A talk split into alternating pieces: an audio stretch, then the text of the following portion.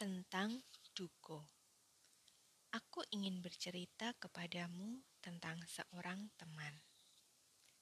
Seorang teman yang memberikan pelajaran berharga kepadaku. Seorang teman dari negeri Belanda yang mencari akarnya di Indonesia dan menunjukkan hal-hal berbeda kepadaku. Duko adalah temanku yang hadir di Solo setelah seorang teman dari Yogyakarta menitipkannya kepadaku. Duko adalah pemuda dengan tinggi sekitar 180 cm dan berambut panjang sebahu, berkulit putih, berwajah tirus, dan hidung mancung. Temanku tidak mengatakan apa pun saat menitipkannya kepadaku, selain mengatakan, Mas, Duko pengen jalan-jalan di Solo, tolong ditemani. Duko, pemuda yang sopan, teramat sopan untuk ukuran anak muda yang tinggal di negara di negara seperti Belanda yang konon sangat liberal. Aku tidak tahu pasti sejak aku belum pernah berkunjung ke sana. Cara berbicaranya menggunakan nada rendah, sangat Jawa sekali, dan tidak terlalu banyak bicara.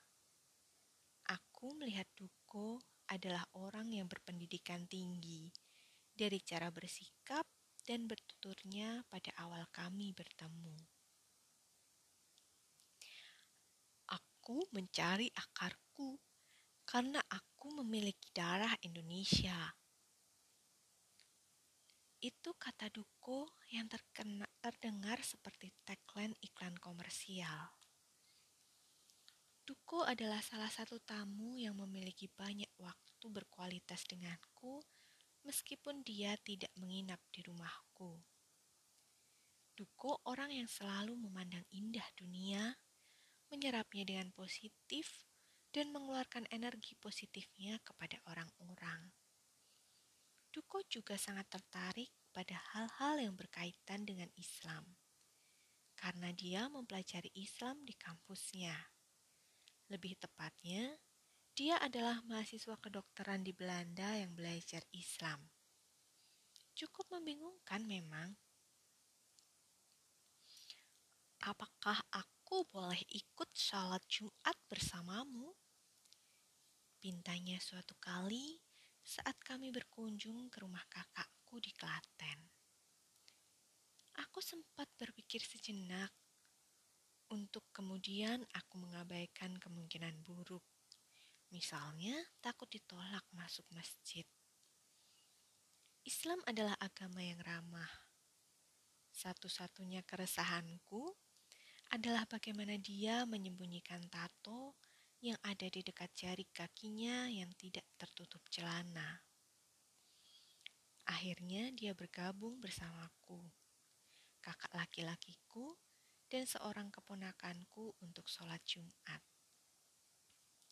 Dia belajar mengambil air wudhu, kemudian sedikit bertanya tentang gerakan sholat yang harus dia lakukan. Memasuki masjid, Duku adalah magnet yang sempurna. Semua mata jemaah serentak menoleh ke dia meskipun hanya beberapa detik saja.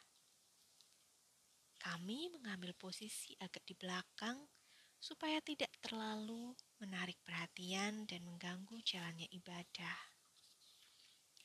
Duko menyadari dirinya adalah pusat perhatian.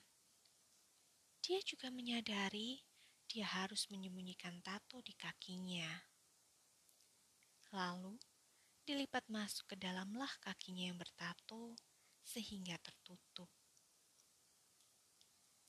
Duko adalah produk zaman akhir yang mencoba berdamai dengan akarnya, mencoba memahami apa yang terjadi dalam kehidupan moyangnya, mengerti kultur mereka, dan lebih dari itu, Duko sangat bangga memiliki darah Indonesia. Aku ingin menato lenganku dengan namaku, tetapi ditulis dalam aksara Jawa. Aku minta tolong dibuatkan tulisannya ya. Pinta Duko. Dan Duko benar-benar melakukan niatnya itu. Sederet aksara Jawa tertato di lengan tangannya. Kami menghabiskan banyak waktu dengan ngobrol di angkringan atau ngobrol berjam-jam menikmati air kelapa muda di pinggir Sungai Bengawan Solo. Salah satu percakapan yang membuat aku memahami dia lebih dalam dan secara berbeda adalah saat dia berucap, "Hey, I'm gay." Aku terdiam beberapa saat. Aku tidak tahu harus bersikap seperti apa untuk situasi ini. Sebelum akhirnya dia berucap, "Semoga tidak menjadi masalah bagimu." Kalimatnya terhenti, tetapi mengambang seperti memancing reaksiku. Oh, tidak, tidak masalah kok, kataku. Sejujurnya, aku tidak bermasalah dengan gay, kalaupun misalnya aku memiliki teman seperti itu. Dalam benakku, Aku cuma masih sering bingung dengan stereotip homoseksual adalah panci, cowok yang kecewek-cewekan, bencong, berdandan perempuan secara seru dan berlebihan, seperti yang aku lihat di terminal, stasiun, saat beberapa di antaranya menggoyangkan krecekan sambil bersenandung lagu dangdut demi recehan.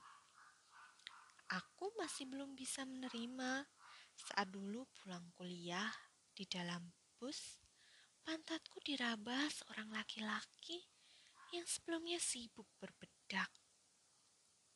Laki-laki macam apa yang membuka bedak bulat dengan kaca di dalam bus lalu menempelkan bedak itu di wajahnya seakan bus tadi adalah kamar pribadinya. Aku juga belum bisa menerima situasi saat naik kereta api gaya baru malam selatan dari Jakarta menuju Solo di sebuah stasiun kecil. Entah stasiun apa namanya aku lupa. Seorang pengamen panci dengan rok mini hitam tidak mau pergi dan terus berada di sampingku. Mas ganteng, mas, mas ganteng, ayo dong dikasih recehan ujar cewek jadi-jadian itu sambil menoel pundakku. Aku diam dan mengabaikannya. Penumpang lain menganggap itu show sempurna yang menyenangkan. Semakin diperhatikan orang dan menjadi bahan tertawaan, semakin pede ini orang. Mas, mas ganteng, aku cipok loh. Toelnya lagi. Satu kosong. Kurogoh selembar seribuan dan kuberikan kepadanya cepat-cepat. Aku tidak ikhlas. Aku hanya tidak mau dicipok dia. Aku hanya ingin dia segera pergi, berlalu dari hadapanku. Skanteng, makasih ya Cin. Nah. Berbagai bayangan itu berkelebat seperti lalu lintas ruwet padat dan cepat di dalam otakku. Dan sekarang ada Duko di depanku yang tengah melakukan pengakuan bahwa dia gay. Dan dia adalah laki-laki yang tidak genit, tidak bersikap murahan, punya tata krama, berpendidikan tinggi, pintar, berpakaian wajar seperti laki-laki pada umumnya. Dan iya, dia Guy, seorang laki-laki yang memiliki orientasi seksual suka kepada laki-laki lain. Sejujurnya, aku terkejut dengan pernyataanmu.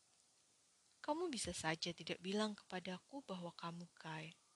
Karena bagiku, kamu gay atau tidak bukan hal penting dari pertemuan kita sebagai teman. Aku tegaskan, aku tidak akan ini tidak akan memengaruhi pandanganku terhadapmu seperti sejak awal aku mengenalmu. Ujarku akhirnya menemukan kalimat. Duko tersenyum dengan sangat santai. Traveling bagiku sangat personal artinya. Aku ingin selalu bertemu dengan orang baru dari perspektif berbeda dan memiliki latar belakang budaya yang berbeda pula. But they are still human and I like to find the human part in other regardless whether they are ladyboys, Muslim, Hindu, or Catholic, besides there are also people with their own life stories. Tutur Duku. Duku seperti ingin mengujiku. Dari kumpulan manusia jenis mana aku? Dari kumpulan manusia yang memiliki otak seperti apa aku? Dari kumpulan manusia picikkah? Dia bisa saja tidak mengatakan kondisinya kepadaku, karena kami tidak bertemu dalam konteks dia sedang naksir kepadaku. Aduh, aku tidak bisa membayangkan itu. Tetapi, karena sejak awal kami bertemu dalam konteks pertemanan, jadi aku yakin akan melalui situasi ini dengan baik-baik saja. Tetap berakhir sebagai teman dan bukan musuh. Entah kenapa, meskipun itu sulit, tetapi mendengar pengakuannya, aku tidak merasa terancam. Kalimat duko seperti kalimat yang tertata rapi, terstruktur, pintar, dan tanpa prasangka. Lalu, kenapa aku harus berprasangka kepada dia? Hanya karena dia gay. Aku tahu kamu pasti terkejut, apalagi kamu Muslim. Kamu besar di Indonesia dengan budaya Timur yang kental dengan aturan-aturan yang kalian amini sebagai norma bersama. Aku lebih mudah karena aku tinggal di Belanda, tentu dengan situasi berbeda.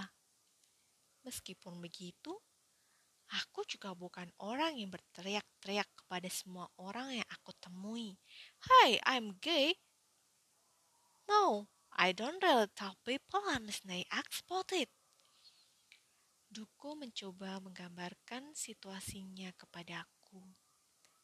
Aku cuma manggut-manggut saja. Manggut-manggut yang bergumul dengan sejuta penasaran. Bagaimana dengan keluargamu? Ibumu? Beliau tahu. Tanyaku penasaran. Ya, ibuku sudah tahu. Aku sudah melakukan pengakuan kepada ibuku. Kamu pasti berpikir bahwa itu akan menjadi situasi yang canggung bagiku dan ibuku saat aku melakukan pengakuan. Well, I was actually quite disappointed when I'm when I told my mom, karena aku sudah membayangkan ini akan menjadi awkward emotional moment with everyone crying. Kami akan menangis, berangkulan, dan merutuki nasibku. aku sangat gugup mengatakan kepada mereka. Then I told them, Hey, I'm gay.